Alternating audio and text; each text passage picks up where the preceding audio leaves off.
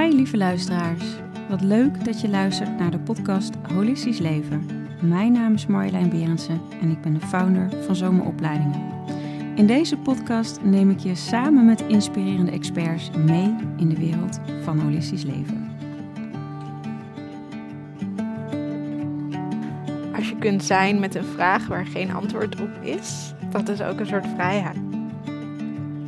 Hoi, leuk dat je weer kijkt naar een nieuwe podcast van Holistisch Leven. En ik zit hier vandaag samen met Tessa Schiethart. Je ziet het prachtige boek hier van haar Zien en Gezien Worden over zichtbaarheid en zichtverlies. Ze spreekt over de herverbinding met het levende gevoelslichaam met alle sensaties, voorbij symptomen en emoties. Haar missie is om mensen te leren meer van zichzelf en hun lichaam te houden zoals ze zijn. Welkom, lieve Tessa. Fijn Dank dat je je er wel. bent. Nou, je weet het. Ik begin altijd met de eerste vraag. Wat is holistisch leven voor jou? Ja, mooie vraag. Ik, ehm, ik heb daar natuurlijk eh, eventjes over nagedacht. En eh, holisme gaat natuurlijk vaak over ja, de verbinding tussen lichaam, eh, ziel en ehm, geest. Dus alle aspecten van wie we zijn in overweging te kunnen nemen. En wat ik mooi vind daaraan is dat het heel erg gaat ook over zelfzorg. Over eh, hoe je met jezelf omgaat en eh, hoe je in het leven staat. Wat voor mij heel erg belangrijk is. En wat ik ook altijd heel mooi vind aan holisme is dat in de kwantumfysica hebben we het vaak over eh, objectreferentie en field reference of Mhm. veldreferentie. Waarin de object gaat heel erg over van, nou jij zit daar, ik zit hier. En dan lijken wij afgescheiden van elkaar. Maar eigenlijk als je heel erg in het veld stapt, dan is alles met elkaar verbonden. En dat is voor mij ook heel erg holisme. Dat, dat, dat je realiseert en weet en voelt van binnenuit dat alles met elkaar verbonden is. En ja, dat je daardoor elkaar kunt ondersteunen en ook beïnvloeden. En wat iets heel kwetsbaars is. Ja. Ja, Ja, wat iets heel kwetsbaars is. Dat zeg je, dat zeg je mooi. Want we hadden het er net al even wat gesprekjes natuurlijk eh, over. En nou, ook heel erg over het voelen en echt in verbinding zijn en in verbinding Ja. komen. Want neem me eens mee vanuit je jeugd naar nu. Want je, ja, ik, wat ik zie is een, ja, een vrouw die zo in verbinding is. Zo vanuit haar hart, vanuit haar liefde, vanuit haar zijn leeft. Andere mensen inspireert. Nou, je zei net al, internationaal coach je weer superveel mensen. Je bent met een internationaal boek bezig. Wat je dus zoveel ook vanuit jou, waarin je ja, echt gewoon volledig in je kracht in de wereld staat. Is misschien niet altijd zo geweest. Dus neem me eens mee Ja. van je jeugd tot waar je nu staat. ja. Zo succesvol Mooie reflectie. Ja. Dankjewel. Ja, ik denk, eh, nou, ik ben natuurlijk geboren met een wijnvlek. En eh, daar gaat onder andere het boek eh, natuurlijk over. Ja. En ik was als jong meisje me best snel bewust van ja, dat ik er enigszins anders uitzag. Ik ben opgegroeid in Hartje Amsterdam en mijn ouders, ja, ik ben opgegroeid in een super open nest. En mijn ouders waren ja, heel ontvankelijk voor ja, dat ik er iets anders uitzag. En dus er was altijd veel ruimte om daarover te praten. Tegelijkertijd was het niet heel veel, niet echt een groot onderwerp. Maar het heeft wel altijd heel erg mijn leven beïnvloed. Ja, ook hoe ik in het leven sta. En op het moment dat je ja, er deels anders uitziet, in mijn ervaring kreeg ik daar heel veel reflecties op terug van de buitenwereld, opmerkingen, mensen die kijken. Ja. En dan ga je automatisch ook wel voelen wat dat met je doet. En ik denk dat ik als kind al ja, best veel voelde. eh, sensitief voor mijn omgeving. Ik was altijd observerend. En ja, ik ben dol op antropologie om echt nou, ja, groepen mensen te observeren. En ja, zo van de, als kind naar puber ga je natuurlijk allerlei levensfases door. En ehm, ik werd al jong geconfronteerd met het medische pad. Ja. Dus heel veel medische tegenslagen, veel laserbehandelingen gehad, veel ziekte, veel chronische ja, dingen die speelden. En nou ja, het ziekenhuis is voor mij een hele belangrijke plek, omdat er aan de ene kant heel veel heling voor mij lag. Eh, zonder de arts had ik niet Ja. zo erbij gezeten. Aan de andere kant ook wel een heel, hele rare omgeving. Ik vind dat nog steeds. Een hele kille, koude omgeving. En ik was altijd best wel sensitief voor warmte, voor fijne, Mm. sensuele ervaringen. En ja, toen ik, ik heb op meerdere punten in mijn leven ja, echt voor keuzes gestaan. Van als ik dit nu niet kies, dan verlies ik ofwel mijn zicht. Of nou ja, dan gebeurt er iets met mijn lichaam. En op een gegeven moment was ik 16, 17. En toen moest ik een eh, laserbehandeling aan mijn oog ondergaan. Wat echt 50% kans had. En ik zag al met één oog, dus best veel risico. Ja. En die keuze moest ik zelf maken, want ik was inmiddels ja, oud en wijs genoeg om, om zelf toch ook over mijn eigen lichaam te beschikken. Wat sowieso al best wel een kwetsbaar proces was. En mijn vader heeft mij toen een boek gegeven, uit de kast getrokken, en dat ging over Ayurveda. En dat was eigenlijk mijn eerste stap van, nou, dat ik heel erg ondervond dat alles waarvan ik dacht dat het waar was, dat dat ergens opgeschreven stond, dat ik me heel erg kon terugvinden in ja, die, die oude filosofie en die leer. En dat was echt heel erg mijn initiatie op van, ja, dit is Dit het is pad. weg, En ja. eh, zoveel herkenning en zo ben ik heel erg, ehm, ja, zat ik als meisje op de middelbare school. Ik was altijd van het vroeg opstaan, maar nu ging ik in plaats van een uur aan de ontbijttafel rustig zitten eten, ging ik mediteren. En ik was er best vroeg bij en ik heb dat pad eigenlijk nooit meer losgelaten. En zo kwam yoga erbij, tantra kwam erbij en ja, ik denk dat mijn wijnvlek, veel mensen zeggen altijd dat het een soort hartvormig Ja, vlek is op mijn gezicht. Ja. Ja. En dat heeft me ook wel, en ik zeg ook in het boek dat dat ja, me bijna gedwongen heeft om ook uit mijn hart te leven. Ik ben een heel emotioneel mens. Ja, dat schrijf je ook in het boek. ja. dus ja, dat is een beetje. Dat, ik denk dat ik veel geleerd heb over dingen tijd gunnen. Omdat, nou ja, als je ziek bent. En voor mij was het bijvoorbeeld na een operatie, lag ik gewoon drie maanden op de bank. En als je geopereerd bent aan je ogen, dan, dan zie je niks. Dus dan kan je ook niet gaan tv kijken of gaan lezen. Nee. En voor mij heb ik daarin zoveel geleerd over het belang van rust. Het belang van het voelen van je lichaam, het uitvoelen van je sensaties in je lichaam. Eh, verbinden met mensen, dus echt goede gesprekken voeren. Mijn vader die las me voor en vriendinnen kwamen langs. En ja, en dat, daar heb ik wel echt de kracht geleerd van een diepgaande gesprek. Ja. Wat ik nu natuurlijk heel veel doe in coaching met mensen. Ja, dat is, zijn wel echt de essentiële levenslessen voor mij geweest. Ja, mooi. Ja. Hey, en eh, voor wat mensen dan eh, niet weten, want dat schrijf je ook heel duidelijk in het boek. Jouw wijnvlek hangt dus ook samen met onder andere je ogen. Kun je, kun je daar wat over vertellen? Ja, klopt. Ja, ehm, ik heb een syndroom, dat heet Stuart Weber. En Ja. dat komt met een aantal symptomen, waaronder eh, een wijnvlek in het gezicht. ehm, en vaak, niet bij iedereen, maar vaak ehm glaucoom, dat is een oogziekte. Die heb ik wel. En soms ook epilepsie, Ja, die heb ik die niet. je niet, hè? Nee. En dat is afhankelijk van hoe diep de vaten liggen. Mhm. Ehm, dus mijn wijnvlek is heel groot, maar minder diep. Ja. Maar ik heb dus wel ja, de De oogproblematiek. oogproblematiek. Ja, en ik geloof, ehm, ja, ik benader dat gewoon heel erg vanuit verschillende theorieën of levensbeschouwingen. Want ik ben dol op, ja, gewoon een westers systeem wat heel veel kennis heeft over hoe ik het kan behouden. Maar Ja. ik heb natuurlijk me eindeloos afgevraagd van waar komt het vandaan? En dan ook de vraag van waarom ik en niet een ander. Niet omdat ik het dan weg wil hebben, maar gewoon puur uit Oh. nieuwsgierigheid. Ja, en, en reflectie, hoe zit het Ja, dan? Ja, En waar, wil je daar wat over delen? Nou, ik heb heel veel geleerd dus uit Ayurveda Ja. en over eh, samenstelling van de dosha's en ehm, maar ook regressie natuurlijk van ja, wat is er gebeurd tijdens mijn moeders zwangerschap dat dat dit ontstaan is en ehm, ja, veel gezocht naar antwoorden en ook uiteindelijk wel tot de conclusie gekomen dat er heel veel antwoorden vanuit verschillende hoeken zijn en dat uiteindelijk het ook Ja. ja. Who knows? Ja. En dat vind ik ook een mooi iets, want daar zit heel veel overgave in. in. Als je kunt zijn met een vraag waar geen antwoord op is, dat is ook een soort vrijheid. Ja.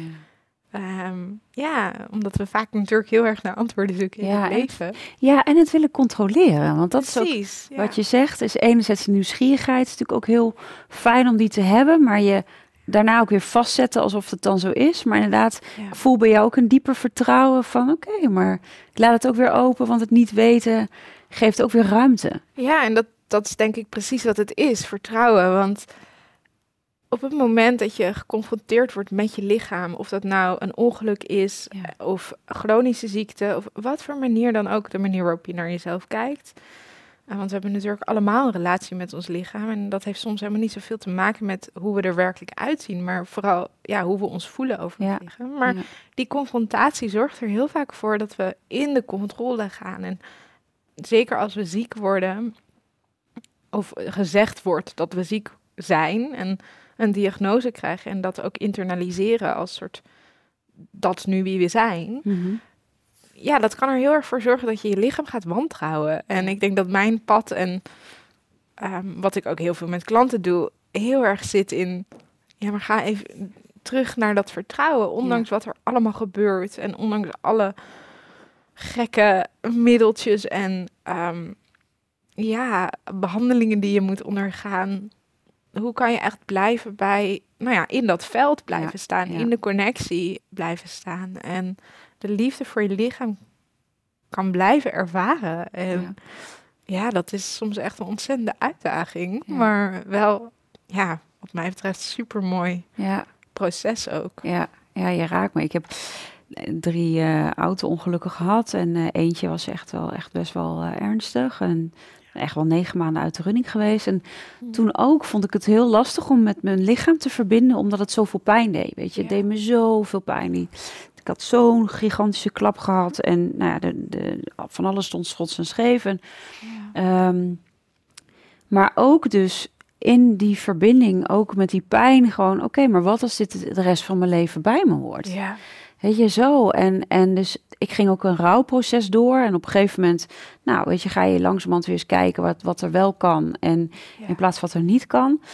Ehm, maar dat heeft me ook zo die dankbaarheid gegeven van wat er wel is. En elke dag, weet je, ik, ik weet dat inmiddels eh, sporten voor mij goed is om het allemaal stevig goed te houden. Want zodat ik dat niet doe, dan voel ik echt mijn rug, joh. Oh, ja, ik krijg ik zoveel, zoveel klachten. Ja. Ja, hoe, hoe is dat voor jou? Wat, wat, Ja. wat, wat zijn jouw dagelijks? Ik weet, je zegt ik mediteer veel, eh, yoga Ja. doe je, nou, tantra is een belangrijk iets. ja. Wat, wat heb jij nodig? Nou, yoga is inderdaad heel erg voor mij. Je zegt sporten, gewoon bewegen. Mijn lijf heeft dat ook echt nodig. Ehm, en eh, als ik kijk naar mijn ogen en waar ik natuurlijk veel uitdaging op heb, dan heb ik echt een bepaald soort. ehm, ja, ik, ik vind dat het moeilijk te beschrijven, maar een soort bepaald balans in mijn lichaam, waardoor ik voel dat, dat de energie blijft stromen.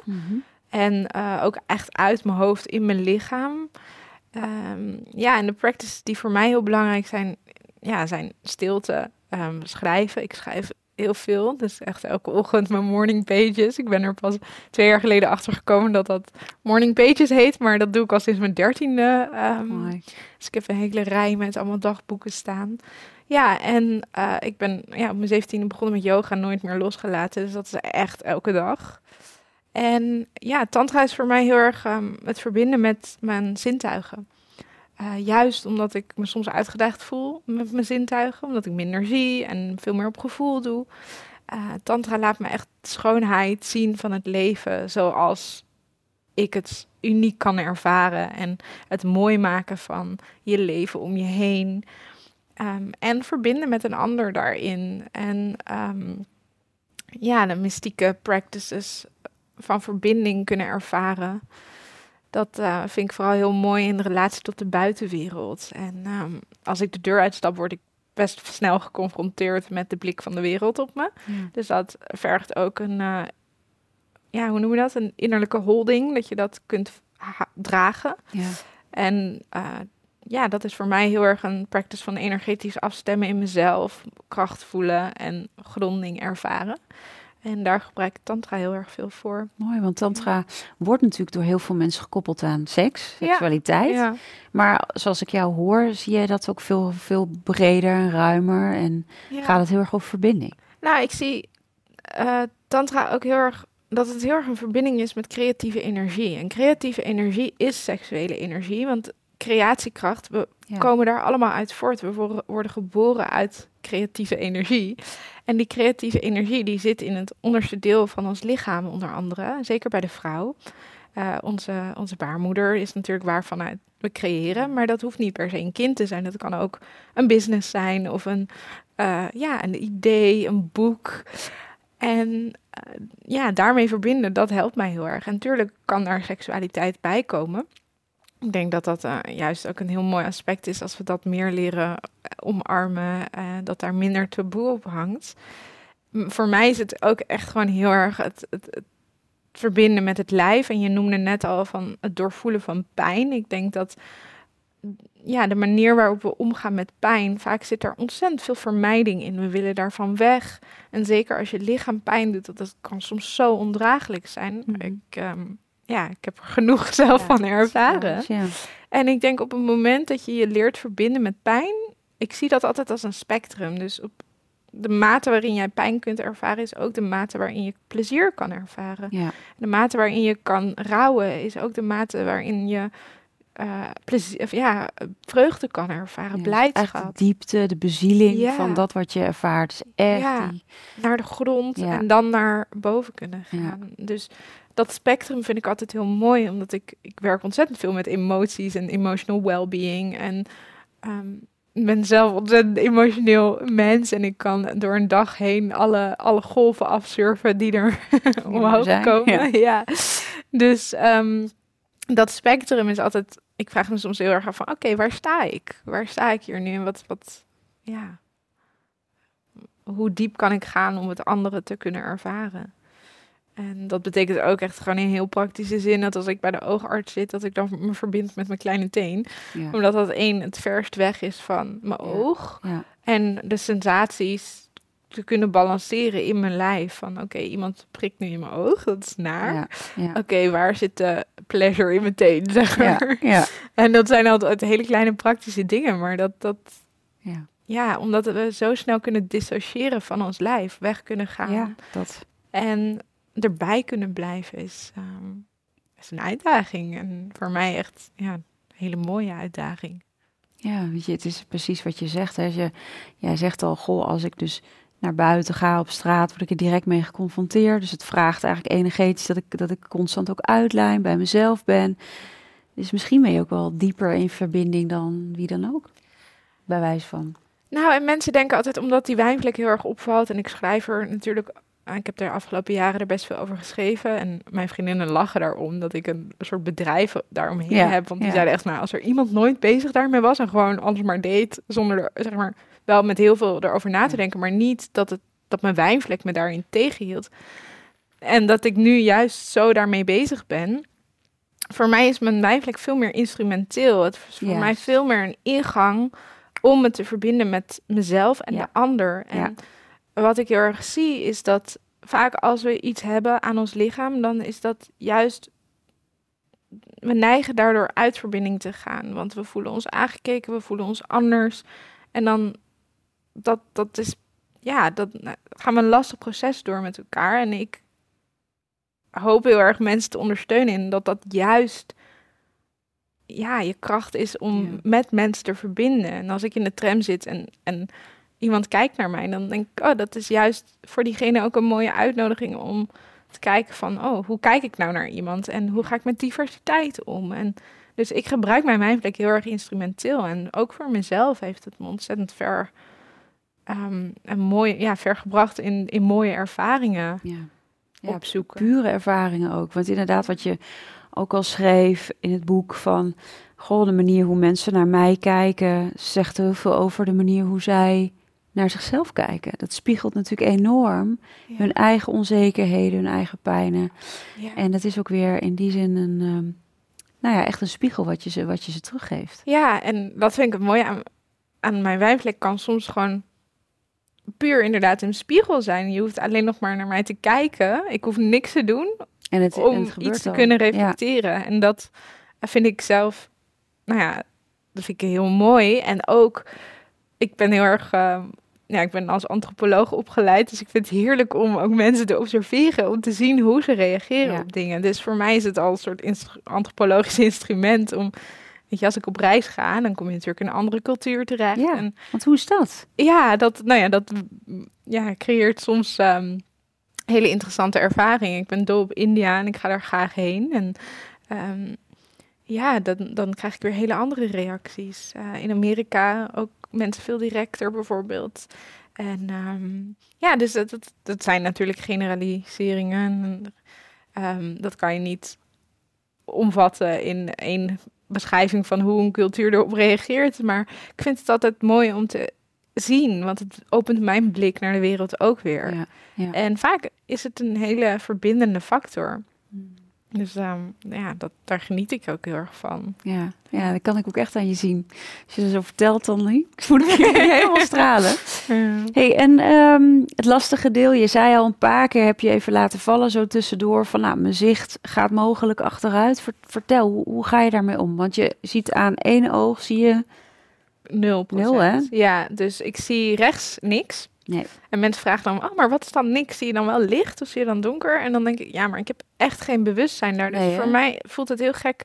Het is voor jullie alsof je drie ogen hebt en bewust bent van twee. Ja. En voor mij is het dus, ik heb er maar één. Ja. En ik weet wel dat hij er is en hij doet mee in beweging en alles. En heeft ook best veel zorg nodig, omdat de druk daar nog steeds wel hoog is. Ja. ja, dus de meeste zorg zit vaak toch rechts.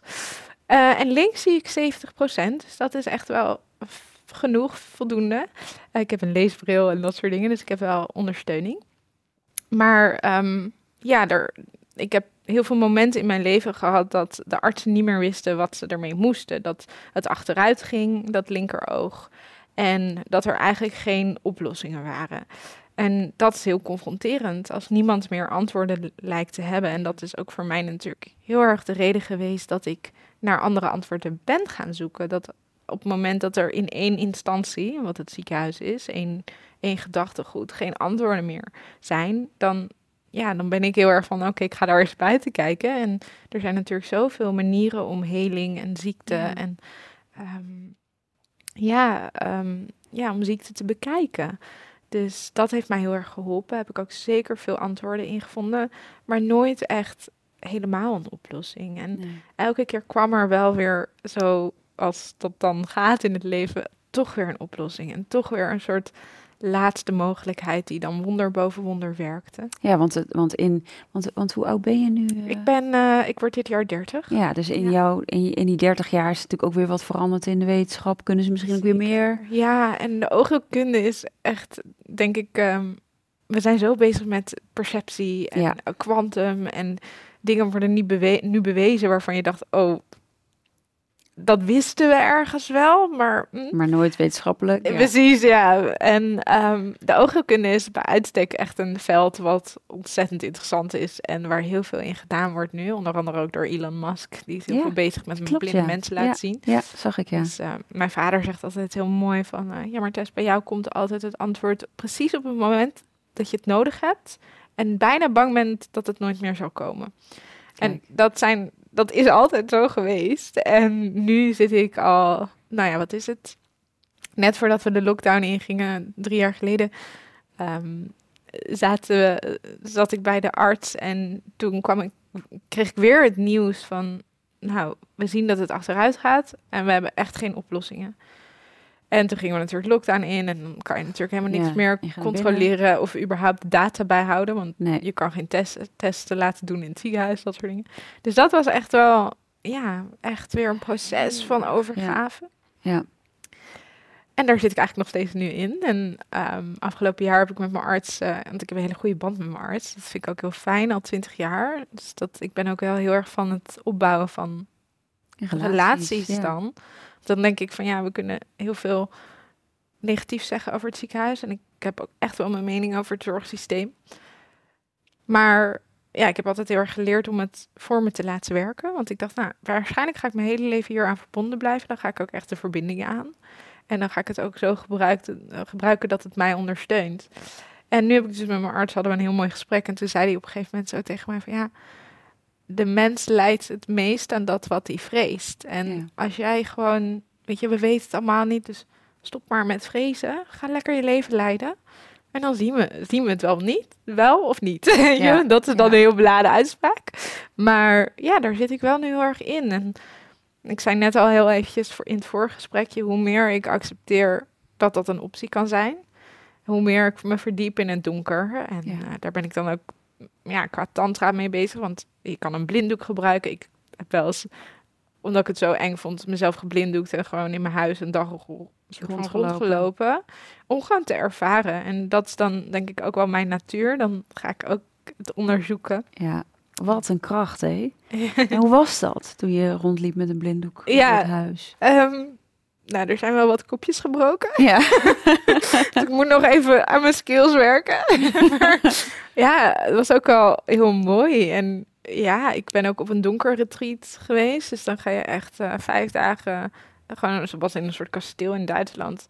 Alles afgeplakt, zit je in een kamer. En ja, ik heb echt een soort psychedelische trip gehad zonder iets. Zonder maar iets. Ja. Ja. En op een gegeven moment slaap je niet meer. En het, ja, Ja, weet je- je niet of het licht of donker Precies, buiten is. Dus Want melatonine maak je natuurlijk niet meer aan. Precies, maar echt Minder. fascinerend. Echt de meest bizarre inzichten gekregen ook gewoon over mijn leven en ehm, waar ik naartoe wil, wat er moet gebeuren en eh, ja, wat er door me heen mag stromen. Dus ja, het brengt ook heel veel, dat onderzoek. En Ja. ja, Ja, want dat is echt zoals ik je nou ja, ook nu ken, zeg maar, maar ook in het, in het boek.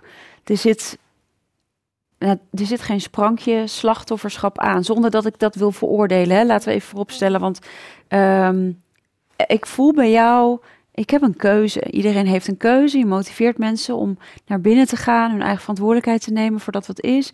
Wil niet zeggen dat je niet lijdt, maar hè, primair wordt er gevoeld dat er gevoeld mag worden, maar secundair het verhaal eromheen of het erger maken of het ja dat dat dat dat dat leidt je eigenlijk heel liefdevol weg of laat je los ja. om wel te doorvoelen wat het primair is hè dus je gaat er ook niet van weg je, je gaat er dwars doorheen en dan ja dat dat dat dat is gewoon heel moedig en ik Mm. voel ook als ik je zo hoor praten je ouders zijn daar ook echt een hele belangrijke rol in hè ja, ja, ik heb echt wel een hele goede band met beide. Hoe is het voor hun geweest ja ik weet ja, niet, een andere ja, dat, nou ja, zij... zelf moeder Ja, snap ik. Ja. ja, ik begeleid ook echt wel ouders die een Ja, kindje krijgen precies. met ofwel een wijnvlek, maar ofwel gewoon een medisch traject. minder, ja, precies, minder kunnen zien. Of Ja. ja. traject. Of, ja. ja. en ik heb ook, ik, ja, ik heb gewoon ook veel mensen in mijn praktijk die willen verbinden met rust, maar bijvoorbeeld ja, geconfronteerd worden met borstkanker en Ja. dat je lijf dan verandert, omdat er ofwel een amputatie plaatsvindt of nou ja, gewoon je lijf er anders uit. chemo. Of, eh, ja. Ja,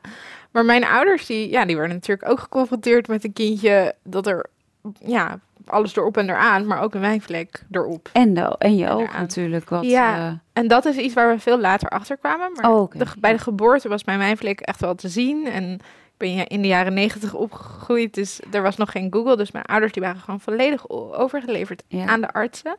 En ehm, ja, mijn huisarts die wist gelukkig wat het kon zijn en ook wat de onderliggende symptomen konden zijn. En dus ik ben meteen de teststraat ingegaan, de Ja. MRI in en het hele Ja. riedeltje. En wij zijn heel vroeg begonnen met laserbehandelingen. Even kijken hoor. In mijn nek hier heb ik een proefplek. Mhm. Een stukje wijnvlek wat altijd werd gebruikt als eh, proefplekje voor het laseren. Mhm. En toen ik twee was, hebben ze een nieuwe laser gebruikt. En ehm, die laser bleek van binnen vier keer zo hoog gekalibreerd te zijn. Dus dat betekent dat ze mijn wijnvlek veel te hoog hebben gelaserd. Dus verbrand. Oh. Dus daar heb ik ook de littekens van. En dus die horen er eigenlijk niet bij. Daar ben ik niet mee geboren. Maar dat komt door het te hoog, traject. inge- ja, te hoog ingesteld. Ja, ja, dus dat was wel een grote medische fout. Dus mijn ouders zijn best wel snel geconfronteerd met, nou ja, de, de, de zwaarte van zo'n medisch traject. En ik zie mijn ouders altijd echt als een soort duo. De- mijn vader is vrij filosofisch, echt een Ja. wiskundige, heel erg, eh, maar ja, ook best wel in de kwantum en zo. En eh, dus dat was heel tof. Ik, toen ik ook 17 was en hij die boeken uit zijn kast trok over Ayurveda, dacht ik, huh, heb jij dit? En de I Ching stond er en spirituele wetten voor ouderschap en nou ja, noem het maar op. wauw, En ja. ik wist helemaal niet van, nou ja, dat dat er zat. Maar ehm, en mijn moeder is heel praktisch. Echt een leeuwin die voor de kind wil eh, vechten. Dus dat is ook altijd een beetje de balans bij de arts. Dat, eh, mijn vader gaat altijd heel erg met me zitten van, nou, wat, wat, wat is belangrijk nu? Huh? En ehm, wat moeten we weten? Ja. En mijn moeder die is altijd van, oké, let's go for it. Ja. En ehm, Ja. we gaan hier niet weg zonder antwoorden. Dus Ja. daar ben ik heel erg mee opgegroeid. En die balans heb ik denk ik zelf in mezelf geïntegreerd. Dus dat als ik nu naar de arts ga, dat ik dan ja, een soort bepaalde soevereiniteit voel. Ehm, ja, en ook met dingen als... ehm, mijn va- vader, als ik dan thuis kwam en ik had een nare opmerking over mijn wijnvlek gehad, dan kon mijn vader aan de ene kant heel droog zeggen van, maar schat, eh, we leven in Amsterdam, je bent echt niet de enige die er lekker gek uitziet, zeg maar. Het is een diverse stad. Dus dat was altijd heel fijn, maar ook wel heel erg veel eh, erkenning en ehm, ruimte voor mijn emoties.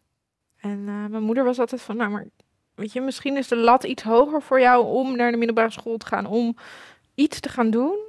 Maar ga het maar gewoon doen en dan, dan zien we wel. Ja. En Ja. ja, ja ik, ik wilde dan echt in mijn eentje, toen ik 19 was, met mijn backpack naar Australië. En dan hielden zij natuurlijk ook wel hun hart vast. Dachten- Net als elke ouder. Ja, Maar, ja. ehm, en dan ook vooral in het stuk dat je dan weggaat en gewoon een aantal maanden niet naar het ziekenhuis kan voor controles en dat soort dingen. Dat was ja, altijd dat wel. stuk speelt echt wel mee. Ja. Ja, echt wel iets om te overwegen. Maar eigenlijk was er gewoon heel veel ruimte en ja, kon er. Ondanks, en dat vind ik denk ik altijd heel mooi, eh, van ondanks dat je limitaties ervaart of hebt of beperkt wordt door dat je niet kan lopen, niet kan zien, niet iets in je lichaam wat een beperking ervaart, ziek bent. Om dan toch te kunnen kijken van, oké, wat is er mogelijk? Ja. En ik denk dat ik dat heel erg, ehm, ja, sowieso in mezelf ervaar en eh, ook anderen hoop te geven. Hmm. Dat je dat leert zien. Ja, en ik voel ook dat door dit alles, zeg maar, door je, je leven wat je omschrijft, dat je niet meer in de controle bent gaan zitten, maar juist veel meer in die overgave. Ja. En dat is wel een kunst. Ja. Dus elke keer weer opnieuw die stap zetten, moed, moed hebben, lef hebben. Ja, en dat is wel echt eh, ja, een hele mooie bedding ook, dat je dat van je ouders ook weer zo hebt meegekregen. Wat een dankbaarheid voel ik daar, eh, daarin. Ja. Ja. En heerlijk om naar je te luisteren. Echt, eh, echt fantastisch. Dankjewel. We hebben kaartjes. Ja. Ehm, kies er één uit, dan lees ik hem even voor jou voor. Oké.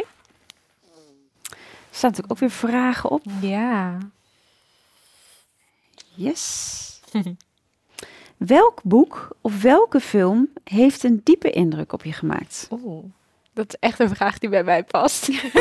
Dat heb je goed uitgekozen. Ja, want ik hou heel erg van art en dat dan ja, eh, gebruiken als ehm, inzicht in jezelf. Ja, reflectie. Ja, nou, een van de boeken die ik... eh, ik heb sowieso een boekenlijst aan het eind van mijn boek staan... waar al de boeken op staan die mij inspireren.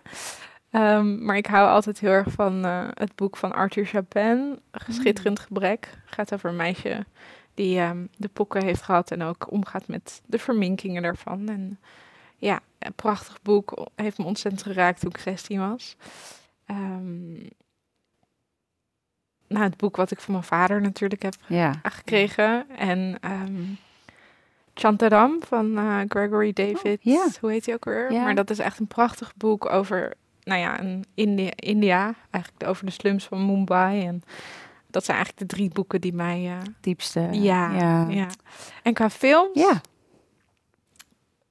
Ik hou echt heel erg van, van die romantische comedies. De Notebook. En ook weer alles Oh, ja. wat van Nicholas Sparks komt. Ja, ja. Ehm, ja, en Eternal Sunshine of the Spotless Mind. Hmm. Jim Carrey speelt daarin. Ja, prachtige Carrey, film. Ehm, The Beach Oh ja, The Beach. Ja. met eh, Leonardo. Leonardo. ja. Ehm, ja, want dat zijn, dat zijn heel filosofische... Er zit heel veel ehm, vrije Lagen, wil in ja. en heel veel gelaagdheid. Ehm, ja. Mooi, ik zie ook helemaal weer... eh, Hey, en er komt nog een extra boek aan, hè? Want vertel, je Nou, bent ja, ik ben net- boek bezig. Nou, ik ben net begonnen met eh, ja, het eh, schrijven van een tweede. Dit keer ga ik in het Engels schrijven, want nou ja, misschien heb je wel gezien, maar ik doe heel veel in het Engels. Ik, Ja. ik heb de afgelopen jaren heel veel in het buitenland of internationaal gewerkt. De meeste van mijn klanten zitten overal over de hele wereld. Gaaf. hè? En ook heel veel in Nederland hoor. Ja, Dus ehm, zeker nu met het boek is dat, eh, heb ik nu eigenlijk een beetje de Nederlandse markt. Maar ja, dat is een boek over ehm, ja, schoonheid. Dus ik ben heel erg aan het exploreren. Wat betekent schoonheid voor ons? En eh, ja, ik, Wat, ja, eh, wat betekent schoonheid voor jou? hmm. ik denk stralen. Ja, dus dat je je eigen licht kunt vinden van binnen en dat je dat naar buiten kunt zetten en dat dat zichtbaar is aan iemand. Ja. Ongeacht hoe je eruit ziet. Ja, radiance, feminine radiance. Ja, radiance. Ja. Ja, ja. Ja. Nou, dat eh, voel ik enorm. Dankjewel. Ja, want het is voor mij ook zo hoor. Het is echt heel erg vanuit. Ja, en ook denk ik zonder maskers, weet je, eh, puur zijn en ook kwetsbaar zijn, echt in verbinding, wat soms gewoon nou ja, super spannend kan zijn, maar dat Ja. ook erkennen. En ook daarin de realiteit is helend. Dus ook voor mij gaat het denk ik ook omgaan met je schaduwkanten, met het donker Ja. met echt naar de oorzaak toe bewegen. En ja, ook ik heb momenten gehad natuurlijk in mijn leven dat ik dacht, ja, ik, ik ben niet goed genoeg. Ik ben niet, niet, niet mooi zoals ik ben. Op, op, op, weet je, als ik iets had gedaan wat in mijn ogen niet goed was of slecht was, vond ik mezelf ook echt in alle vlakken niet, niet mooi of zo. En ik denk dat daarin ehm, misschien ook wel social media ergens misschien soms wel aanmoedigt om alleen het mooie te laten zien. Maar terwijl wij natuurlijk ook allemaal onze donker te hebben. En Mm. Daarin is ook te voelen van... hé, hey, ik ben niet de enige. Of ik ben niet de enige die soms gedachten heeft die... nou, echt ook wel slecht zijn. Of ja, Mm. slecht, wat is slecht. Maar gewoon Mm. echt dat je denkt... Poeh, wat, wat, wat, wat, wat komt hier allemaal, wat komt hier allemaal Ja. omhoog? Wat Ja. misschien uit vorige levens of vanuit je voorouderlijk lijn... of wat dan ook allemaal loskomt. En ook daar... Ja, ook daar zit, zit schoonheid in, voel ik wel. Mm. Ik denk dat daar voor mij in ieder geval de diepste heling zat. Dat op het moment dat ik echt kon erkennen, ja, oké. ja, er is donker. En ja, er zullen mensen zijn die misschien ja, me nooit goed vinden of iets van me vinden. Oké, ook dat omarm ik. Weet je, het gewoon Ja. een soort van binnen laten komen, ongecensureerd. En daarmee zijn. Ja. Dat heeft ook een bepaalde schoonheid. En Dat is weer heel erg dat spectrum hè, van de mate waarin je de ugly. ja, Het, het- ja, lelijk vind ik nooit een moeilijk woord, maar de, met de rafelrandjes kunt zijn. Met, dat bepaalt ook weer het spectrum waar, hoe je je verbindt met schoonheid. Ja, voor mij is dat Ja. ook echt zo. Het, het, het vergif wat ik mezelf ook heb, de, de gedachte vergif tussen aanhalingstekens, dat is- Mhm. zit natuurlijk ook in die dualiteit en een oordeel misschien op, maar gewoon van, oh ja, de gedachten die ik had, of misschien ook wel donkere gedachten in periodes dat het heel zwaar was in mijn leven, dat je ook daar weer het goud in vindt. Omdat daaronder vaak een verlangen zit, of daaronder zit een gevoel, of daaronder zit iets wat heel wezenlijk is. Ja, ja, want ik heb wel, eh, wat je ook zegt, van die de periodes dat je veel moet rusten of ziek bent, pijn ervaart.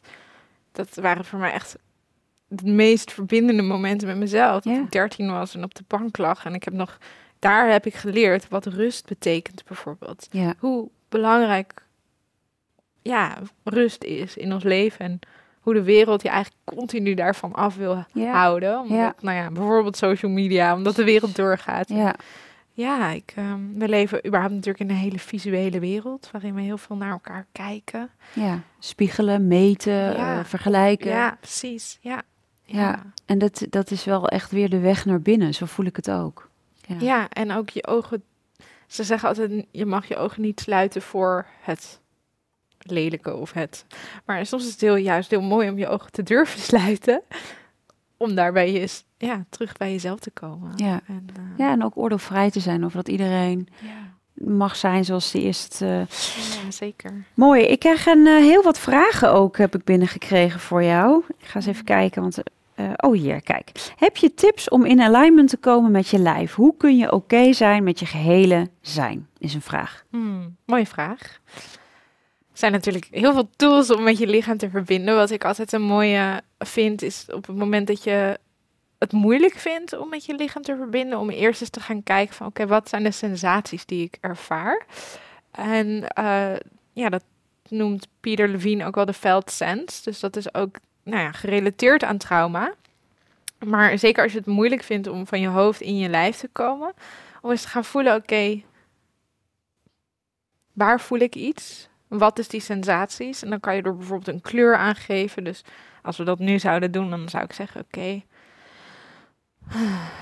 ik voel mijn buik. Het voelt alsof daar bijtjes aan het rondzoomen zijn. Dus een soort zoemend geluid. Voelt het alsof het daar geel is, een beetje met een goud randje. En dan, eh, ja, zo leer je omschrijven wat je sensaties zijn. En leer je het eigenlijk te omschrijven op een creatieve manier, waardoor het ook meer gaat leven. En vaak ga je dan meer voelen in je lijf, meer sensaties, meer ja, kleine, subtielere. Ja, een, een, een kinderlijke nieuwsgierigheid Ja. voel ik daarin. Ja. Hé, hey, wat zit daar? Ja, Kinderen hebben nog niet die oordelen. Nee. Hè, want stel dat je nu zou zeggen, ja, ik zie nu eh, eh, dikke grote wespen op me afkomen en ik voel, eh, on- of ik zie die onrust, of het is helemaal niet geel en het is, het is zwart. En, eh, ja, het rook Dan en denken het we- stoom. wij volwassenen vinden daar natuurlijk heel snel wat Ja. van. Maar het gaat er eigenlijk over dus puur Ja. waarnemen van de sensaties Ja. die je waarneemt. En als je dus bijvoorbeeld het pikken donker en de stekende wespen voelt, dan kan je natuurlijk aangaan van, oké, welke emotie ligt daarbij? Wat Ja. voel ik dan hier? Voel ik onrust? Voel ik onzekerheid? Voel ik me niet op mijn gemak? Voel ik me niet thuis? Hoe komt dat? Wat is het verhaal wat ik daarvan maak? Dus voor mij gaat verbinden, voor mij is het lijf altijd heel erg de ingang tot zelfinzicht. En op Ja. het moment dat we dus die sensaties kunnen leren voelen, kunnen we dat ook cognitief interpreteren. Waardoor we weten wat er in onze body-mind speelt. Ja, ja. En zo heb je natuurlijk dat je gedachten invloed hebben op hoe je lijf zich eh, beweegt en voelt en eh, hoe je lijf informatie verwerkt. En zo heeft de sensaties van je lijf weer invloed op je gedachten. Dus op het moment dat jouw lijf wat meer Ja. naar binnen gebogen is en je hart wat meer ge, ge- hoe noem je dat, closed, ja, eh, dicht gaat, dicht ja. gaat. dan ehm, wat doet het als je gewoon je schouders is, als je op een yogablok gaat liggen, ga eens kijken na een week of dat iets anders doet met je gedachtegoed, want het werkt beide kanten op. Ja, dus ik zou zeggen, ja, de felt sense, sensations. Ja. En hoe kun je oké zijn met je hele zijn? Is ook natuurlijk deze als tool. Maar heb je daar nog, er zijn natuurlijk eigenlijk twee vragen in. Ja, hoe kan je oké zijn met je hele zijn? Ik geloof altijd het, mensen zeggen altijd eh, dat ik veel rondom eh, zelfacceptatie doe. En dat is ook zo. Maar ik geloof wel dat zelfacceptatie iets is wat je elke dag doet. Dus dat is niet een doel wat je bereikt van, oh, ik heb mezelf nu geaccepteerd. Het is continu kiezen. En we hadden het net ook al eventjes over voelen dat je keuze hebt. Voor mij gaat, eh, hoe kun je oké zijn met jezelf, gaat heel erg over basisvertrouwen. Hoe kun je vertrouwen creëren in jezelf, elke dag, eh, die, die elke dag er is, zodat je je elke dag weer kunt accepteren. En dat basisvertrouwen creëren, dat gaat denk ik eh, over het onderzoeken van wie je werkelijk bent, je authentieke zelf. Wat maakt jou jou? Of dat nou komt met een uiterlijk aspect of niet. En eh, nieuwsgierigheid naar jezelf. Ja. Kijken naar jezelf. Ja. Ja. Ehm, ja, mij heeft gewoon therapie, coaching, me laten dragen door anderen daar gewoon ontzettend in geholpen. Wat ik nu natuurlijk zelf ook doe. En ehm, Ja, ook die overgave. ja, Heel erg, hè? Ja. Ja. Vertrouwen, overgave, ja. ja. Mooi, dankjewel. Ehm werken jouw oefeningen ook als je geen uiterlijke verschijnselen hebt? Dus eh, kan dat bijvoorbeeld ook oefeningen helpen bij minder mooie eigenschappen? Ja, ik denk, eh, wat ik net ook al zei, van mijn wijnvlek is niet, het gaat niet over Nee. het uiterlijk. En net als bij jou, hoe we ons over onszelf voelen, heeft vrij weinig te maken vaak met hoe we er werkelijk uitzien. En natuurlijk hebben we te maken met maatschappelijke noties over wat mooi is en wat niet. En eh, ja, ik heb daar academisch onderzoek naar gedaan. Lookism, discriminatie op basis van uiterlijkheden. Dus eh, hoe worden we geconfronteerd met dat wat de wereld vindt ja, hoe de wereld vindt dat wij eruit moeten zien. Maar de oefeningen om te verbinden met je lijf hebben vrij weinig te maken met hoe je eruit ziet. En natuurlijk zijn er specifieke oefeningen die helpen bij echt uiterlijke dingen. Die oefening gaan we straks doen, Ja. onder andere. Maar veel gaat ook over de emoties, je gedachten, hoe je, je voelt over iets. En de meta-emoties. Stel, ik voel me boos en ik heb een minder mooie eigenschap rondom boosheid. Hoe voel ik me dan over die boosheid? Om een laagje dieper daaronder te gaan. Ja, ja. ja. En het oordeel wat je erover hebt. Of, eh, Ja, ja. ja, het, precies. Het gaat heel erg terug naar dat oordeel wat je erover hebt. En om dat aan te kijken in plaats van hoe je eruit ziet. Of, Ja.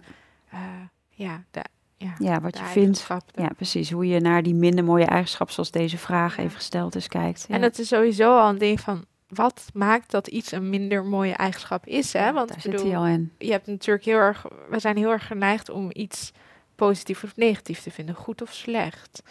En wat als je dat eraf haalt? En Ja. wat als het gewoon is wat het is? En je kijkt naar wat het effect ehm, daarvan is. Dus als ik kijk naar bijvoorbeeld een minder mooie eigenschap, dan komt er bij mij iets omhoog. Of dan voel ik in deze vraag iets van eh, dat je iemand veroordeelt of dat je ehm, ja, op een bepaalde manier niet om, mooi omgaat met iemand zoals je zou willen. En dan zou ik kijken ook naar van wat doet dat met de ander? Wat doet die eigenschap die jij als minder bestempelt? Wat doet dat met je omgeving? Wat doet, hoe, hoe ziet jouw leven daaruit Ja. op basis van die eigenschap? Ja, dat zeg je. Is interessant ook inderdaad, want dat is, daar begint het al bij. Hier zit al, eh, daar zit- kan al een oordeel in zitten. Dus hoe is je perceptie daarvan? Hoe ervaar je dat? Wat Ja. voel je erbij? Ja. Ja, mooi. Ehm, je geeft ook coaching sessies per Zoom. Wat mooi. Hoe geef je, de, hoe geef je in zo'n sessie je energie door? Ja, mooie vraag. Nou, ik zei al, ik werk natuurlijk internationaal. Dus dat betekent dat ik echt eh, met Mexico zit te zoomen. En eh, met eh, Nieuw-Zeeland vorige week. En, dus dat gaat alle kanten op. Ehm, ja, en eigenlijk doe ik precies hetzelfde als wat ik doe als iemand tegenover me zit. En nu zit daar een scherm dan tussen. Dus dan kan je niet iemands hele lijf en iemands hele body-mind zien bewegen. Dus dat maakt dat je iets van informatie natuurlijk mist. Nu moet ik zeggen dat ik, omdat ik dus mijn ogen minder goed zijn, doe ik sowieso heel veel op gevoel. Dus voor mij is dat geen barrière. nee. maar ehm, ja, dat, ik kan me voorstellen dat het bij anderen wel zo zou kunnen zijn.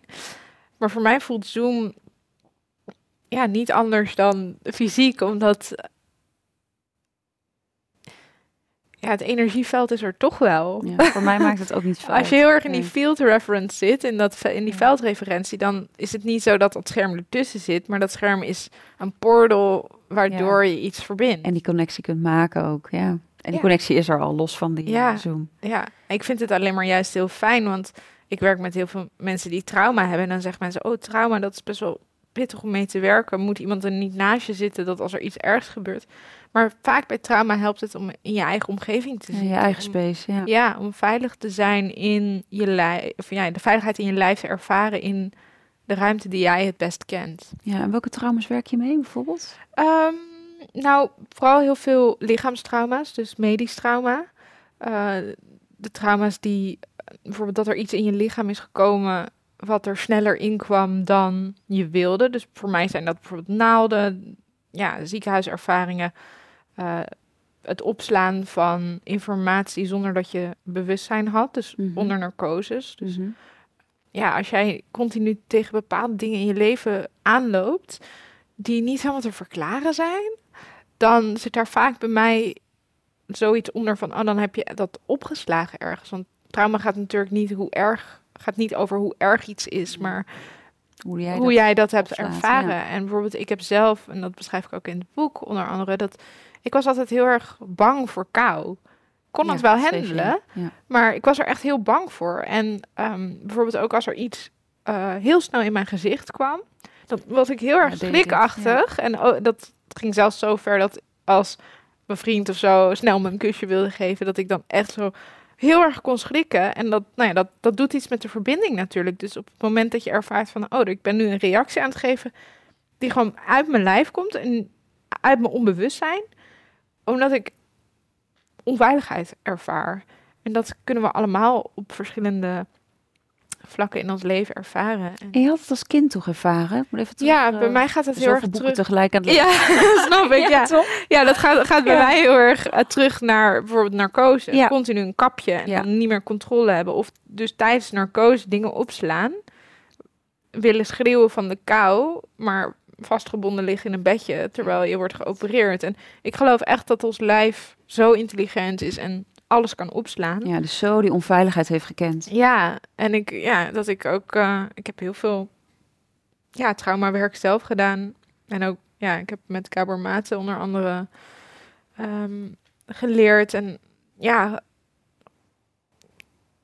dat lijf is gewoon zo intelligent. Ja. Eh, we moeten alleen soms leren om, ja, met onze mind dat te Nou ja, en ook echt in Verwerken. verbinding te gaan met dat lichaam, wat, wat je soms niet doorhebt. Ik had het met mijn auto-ongelukken ook. Het tweede ongeluk was het meest heftig. En het derde ongeluk viel daarbij nog wel mee, zeg maar. Maar mijn lijf reageerde exact zoals dat tweede ongeluk. Dus ik had ook zoiets van, wow.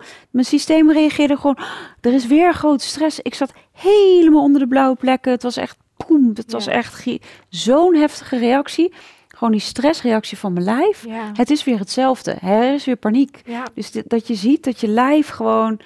En, dat, en voor mij was het dus ik met mijn reiki eh, super fijn dat ik echt kon zeggen: je bent veilig, het is oké. ja, precies. En daarmee ik, ja, ik, weet je, mijn ziel of hoe je het ook ziet, maar gewoon echt in verbinding even weer geruststellen. Het is oké, het was, het is, weet je, en niet zo van het moet gefixt worden of het moet weg, maar die geruststelling. En ik merk dat dat voor mij reiki bijvoorbeeld dat een manier is ja. om mezelf gerust te stellen. Hoe, hoe stel jij je gerust, je systeem gerust? Ook energetisch, voornamelijk. Ja, Eh, ademwerk. ja, En ehm, ja, en beweging. Dus voor mij is het ook, eh, ja, ecstatic dance. Echt gewoon het Ja. shaken van je lichaam. En woe, gewoon Ja. breath sound movement. Dat is altijd de drie pijlers. Ademhaling, beweging en ehm, ehm, sounding. Dus Mhm. vibreren van je Ja. stem bijvoorbeeld. Mantra doet ontzettend veel. Ik ben echt dol op keertan. Dus, eh, Ja, ja, oh ja, om ja. dat te combineren, dat, dat trilt je systeem los. En dat Ja, werkt op celniveau. Ja, En dan komt er dus soms ook trauma naar omhoog. En dan uh, moet er van alles uit. Het is echt heel erg zoals je een hondje ziet schudden als hij even... even lekker alles afzetten. Ja. ja. Heerlijk. ja. Zouden we allemaal meer moeten doen als mensen. Nou hè, echt. Ehm, nou, nog eentje dan, want eh, ja, ik wil heel graag ook naar de oefening toe. Ehm, in feedback op je sessies lees ik dat je direct bent op een lieve manier. Wat doet het met je als je dit terugleest? Ja. Ehm, ja, ik denk dat ik... eh, ik vraag altijd aan mijn klanten, mag ik je direct reflecteren? Kijken wat ik zie. Ehm, en wat ik voel bij iemand. En ik denk dat dat daar heel erg vandaan komt. Van het, het terugreflecteren van, oké, dit is hoe ik het ervaar. Is, herken je dit ergens van? Dus ik toets altijd heel erg bij mensen van, herken je bepaalde stukken die je nu ervaart? Herken je die van Mhm. vroeger? Ik denk dat ik wel heel zacht iemand ben. en ehm, ja, ik vind dat het heel belangrijk om een warme space met iemand te maken. En ik werk altijd heel erg vanuit samen met elkaar een container maken. Van dit, dit is waar we aan committen. En dit, is, dit zijn de boundaries, dit zijn de grenzen. En daarbinnen kunnen we gaan flowen zoals we willen. En dat werkt heel erg zeker. wel heel helder. Dus Ja. eigenlijk mannelijk en vrouwelijk brengen heel erg samen Precies. daarin. Ja, ja, ik hou heel erg van voor mijn eigen leven ook. Mijn, als je mijn leven ziet, dan denk ik dat het voor heel veel mensen best gestructureerd is. Mijn morning routines zijn ook best wel gestructureerd. Maar er zit heel veel flow in. Want op het moment dat ik weet waar de edges zijn, waar de, waar de Ja. randjes zijn, Ja. dan voel ik me zo vrij in mijn creatie. En dat geef ik ook aan mijn klanten. Omdat op het moment dat je weet waar wel en niet, en weet je, qua tijd, maar ook qua thema's waar we op ingaan eh, en hoe je mij kunt bereiken en hoe ik de ander kan bereiken. Als we dat van elkaar weten, dan, dan daar, daar ligt vertrouwen ook. Ja. En reliability, zeg maar, eh, Ja. hoe noem je dat? Eh, Ja. Ja, de echte, echte betrouwbaarheid, echte zijn voor de ander. Echt, Ja. ja. ja, Ja, en het nakomen, integriteit. eh, ja. ja. Mooi. We gaan een oefening doen. Ja, Vertel. leuk. Mensen thuis, doe lekker mee. Ja, ik eh, wil heel graag met jullie ehm, spiegelwerk gaan doen. Ja. Dus als je thuis zit en je bent aan het luisteren naar de podcast en dan nodig je uit om even een spiegel op te zoeken. Dat kan een kleine zijn, dat kan een grote zijn. En als je die niet in je omgeving hebt, dan eh, mag je lekker je ogen dicht doen. En dan gaan we werken met de reflectie van jezelf. Dus ga lekker zitten, neem een ademhaling en ja, kom even hier in het moment, in je ruimte aan. Dan mag je je zitbotten voelen. De stoel of op de bank. Misschien ben je gaan liggen op het kleed. Voel even waar je lijf de grond raakt, de stoel raakt. Even je lijf te voelen in de ruimte.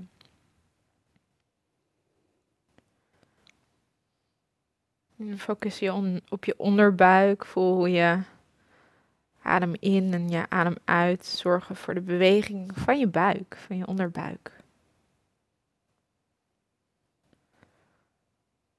Dan breng je je aandacht iets omhoog naar je diafragma, waar je je ribben voelt bewegen naar de zijkanten van je lichaam.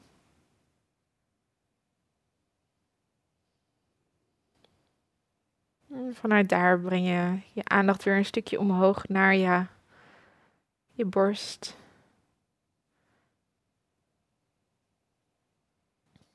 Je hart, je gevoelscentrum. Voel hoe je, hoe je lichaam daar beweegt op de in- en uitademing.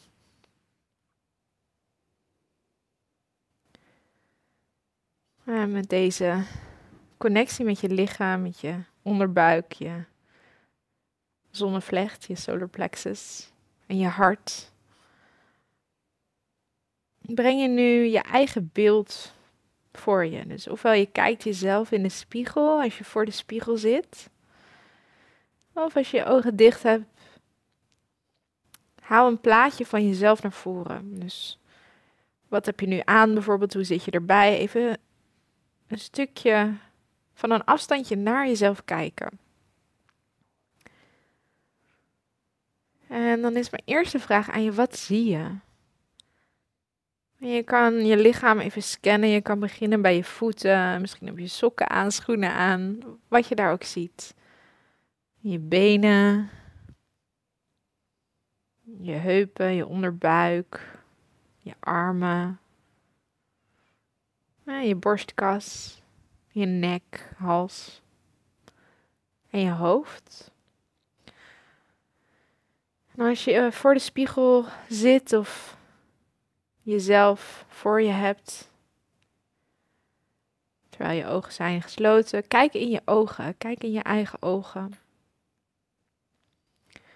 Onze ogen zijn zo'n belangrijk zintuig, 84% van onze zintuigelijke waarneming allemaal via deze twee ogen die je hier ziet. The gateways to the soul. Wat zie je hier?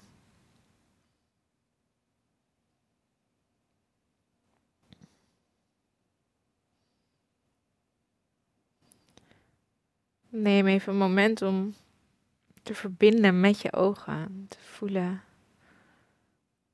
wat doet het met je als je zo naar jezelf kijkt?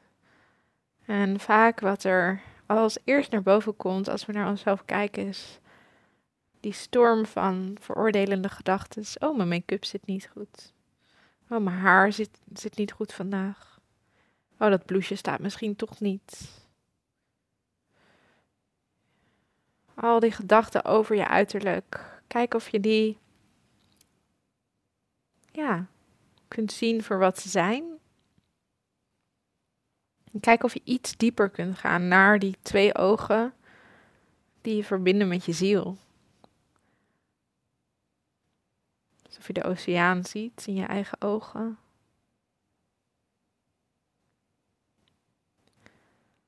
Om te ervaren hoe bijzonder het eigenlijk is dat je dit kunt zien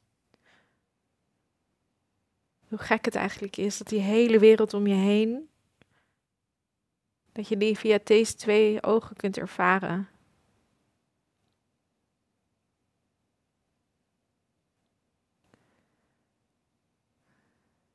En hoe langer je kijkt, hoe meer je misschien kunt gaan zien, hoe meer je misschien ervaart. Dat er een deel in jou is wat, ja, wat een diepere laag heeft de observer, degene die hier zichzelf aan het observeren is, je bewustzijn. Deel van ons wat bewust is en wat kan observeren, wat kan waarnemen. En dan het andere deel van ons die geobserveerd wordt. The, wit the one being witnessed. De energie, ons lijf, Dus we hebben degene die observeert en degene die geobserveerd wordt, die allebei in jou zitten. Twee aspecten van wie jij bent: het masculine, het feminine. Terwijl je jezelf hier observeert, kun je kijken naar je houding, je energie. Wat zie je op je gezicht? Misschien zie je wel een emotie daar. Misschien kan je het allemaal aflezen via deze ogen aan jezelf.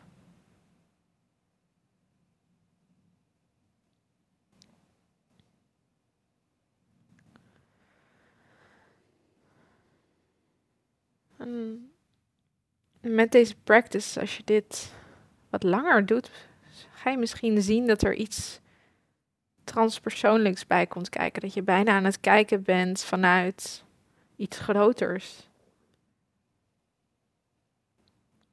Dat de randjes tussen jou en buiten jou vervagen. Dat je opgaat in de wereld om je heen, terwijl je hier naar jezelf kijkt vanuit dat bewuste stukje.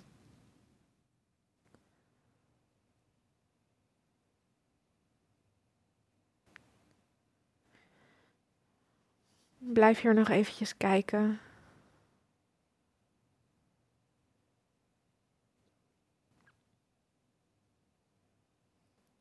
Wat is er te zien? Wat ervaar je? Misschien is het heel moeilijk.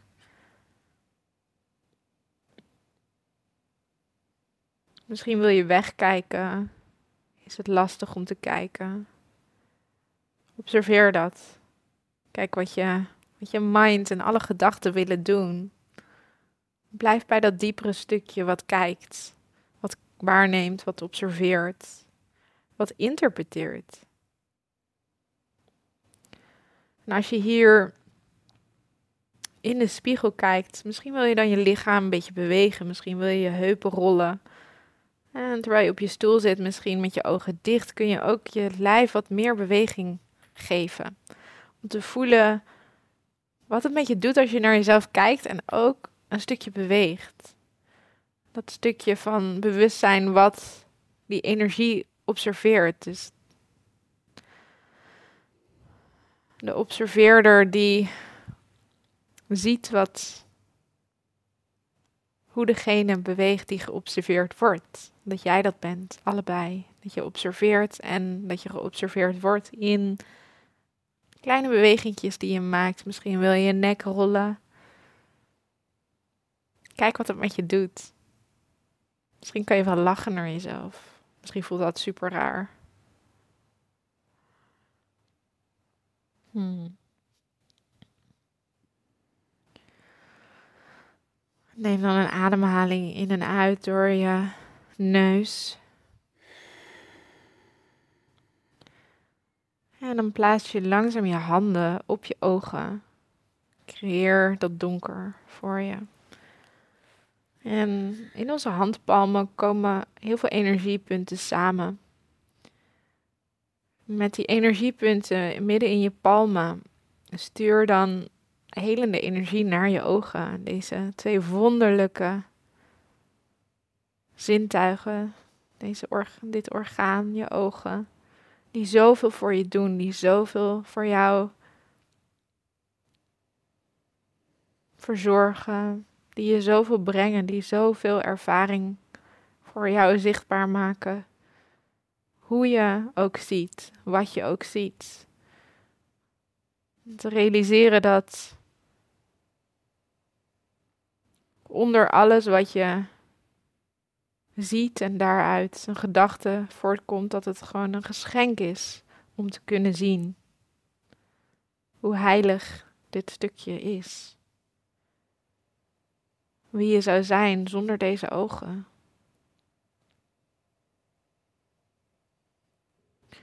Dat je je ogen kunt gebruiken om liefde en compassie te zien in een ander, met een ander te kunnen verbinden.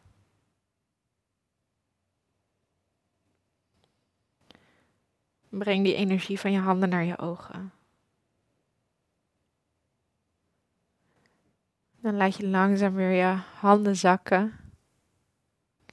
Je mag je ogen open doen als je daar klaar voor bent. En je kan bijvoorbeeld eerst even de ruimte in je opnemen. Om te voelen, oh, hier ben ik in deze space. Om terug te komen bij jezelf. Ja. Dankjewel. Dankjewel. Dank jou wel. Hm. Ik vind sowieso je stem heel fijn om naar te luisteren. Ik ging ook echt heel snel, heel diep. In het begin merkte ik wel dat ik even wat in wat oppervlakkige dingetjes eh, schoot, inderdaad. En ook daar geen over, want het is precies Ja. wat je zegt. Oh ja, eh, zit het haar goed? Weet je, dan, als je het zegt, ja. dan ga ik er ook oh Over nadenken, ja. dat is ook wel mooi. En ehm, de waarnemer van de waarnemer, ik, ik zag echt door mijn ogen of zo een soort zee en heel veel ruimte en heel veel, ja, heel veel eh, ja, rust ook. Hmm. veel, ja, het was heel rustig, heel, heel fijn. Ik voelde ook een verstilling en ook inderdaad zo dankbaar dat, dat we kunnen zien. Ja. Ik draag eh, harde lenzen al sinds mijn eh, dertiende, denk ik. En ik was zes toen ik mijn eerste brilletje had, weten mensen niet. Maar ik heb min eh 9,25 en de ander is ook zoiets. En nou ja, nog een cilinder erbij. Dus, dus ik, ik gisteravond toen ehm, riep mijn dochter mij en ik had de bril niet op. Dus ik ging een beetje zo eh knijpen. ja. Kijk je raar, mam. Ik zei, ja, ik kan niet goed zien. Maar toen weet je, had ik ook echt zoiets van, oh, weet je hoe... Ik had daarna even mijn bril weer opgezet. Ik heb ook wel eens vaak dat ik s'nachts wel eens wakker word van, oh ja, heb ik, had ik nou lens in of had ik nou een bril op? Weet je, dan Ja, val je in slaap en dan ben je niet meer bewust. maar hoe dankbaar je inderdaad, wat je zegt ook, van dat wat je waarneemt en wat er is. En ehm, dat het überhaupt kan ook gewoon, dat. Ja, en als is zo vanzelfsprekend. Ja. En vanuit die dankbaarheid voelde ik ook een zachtere blik, nog een zachtere blik, nog een laagje dieper. Hmm. Dus daar ga ik zeker ook mee processen deze Mooi. komende tijd. Ja, mooi. Ja, Ja, onze ogen kunnen natuurlijk voor heel veel oordelen en eh, afgescheidenheid. En afgescheidenheid, ja. Jij en een creëren ander. tussen ons. En, Ja. eh, omdat we natuurlijk ook kleur zien. Ja. Huidskleur. Ja, mijn huid is ook gekleurd. Dus Ja, maar ook, Ja. weet niet, ben jij, jij bent, de- neem ik aan, ook hoogsensitief, even los van... ja, heb je, ja toch? Ja. ja, ik ben ik wil niet veel even de. Erg gevoelig. Ja. Ja, precies, erg gevoelig. Maar al die prikkels die dan binnenkomen, Ja. soms is het ook zoveel dat het ook overweldigend kan zijn. Dus ik merkte ook dat, Ja. dat het echt lekker warm werd en ik zag ook kleurtjes zo ja, en mijn ogen dicht. En ja. dacht ik, oh, wat een dankbaarheid dat je ook weer zo dieper kan kijken en niet die verbinding kwijtraken als je, eh, ja, als je gewoon met elkaar bent. Juist in verbinding zijn. Ja. Onder de indruk. Ehm, is er nog een, ehm, een tip? In ieder geval in eerste instantie dank je wel voor deze mooie oefening. En heb jij nog een tip voor de mensen thuis? Want we gaan langzamerhand naar een afronding toe. Ja. Een mooie tip voor thuis. Ik denk om met jezelf te kunnen verbinden. ehm, ja, wil ik vooral mensen uitnodigen om je lijf aandacht te geven. De zorg voor je lijf. Ik weet niet of dat helemaal een tip is, maar wat mij altijd heel erg inspireert is ehm, ja, je verbinden met bijvoorbeeld zelfmassage kan heel erg helpen om je lichaam te voelen. Touch, dus aanraking. Ik doe dat veel met olie erbij. Ehm, ja, om gewoon eens ook Ja. je lijf te gaan leren kennen. Op, eh, op, met een open blik ernaar kijken dus. En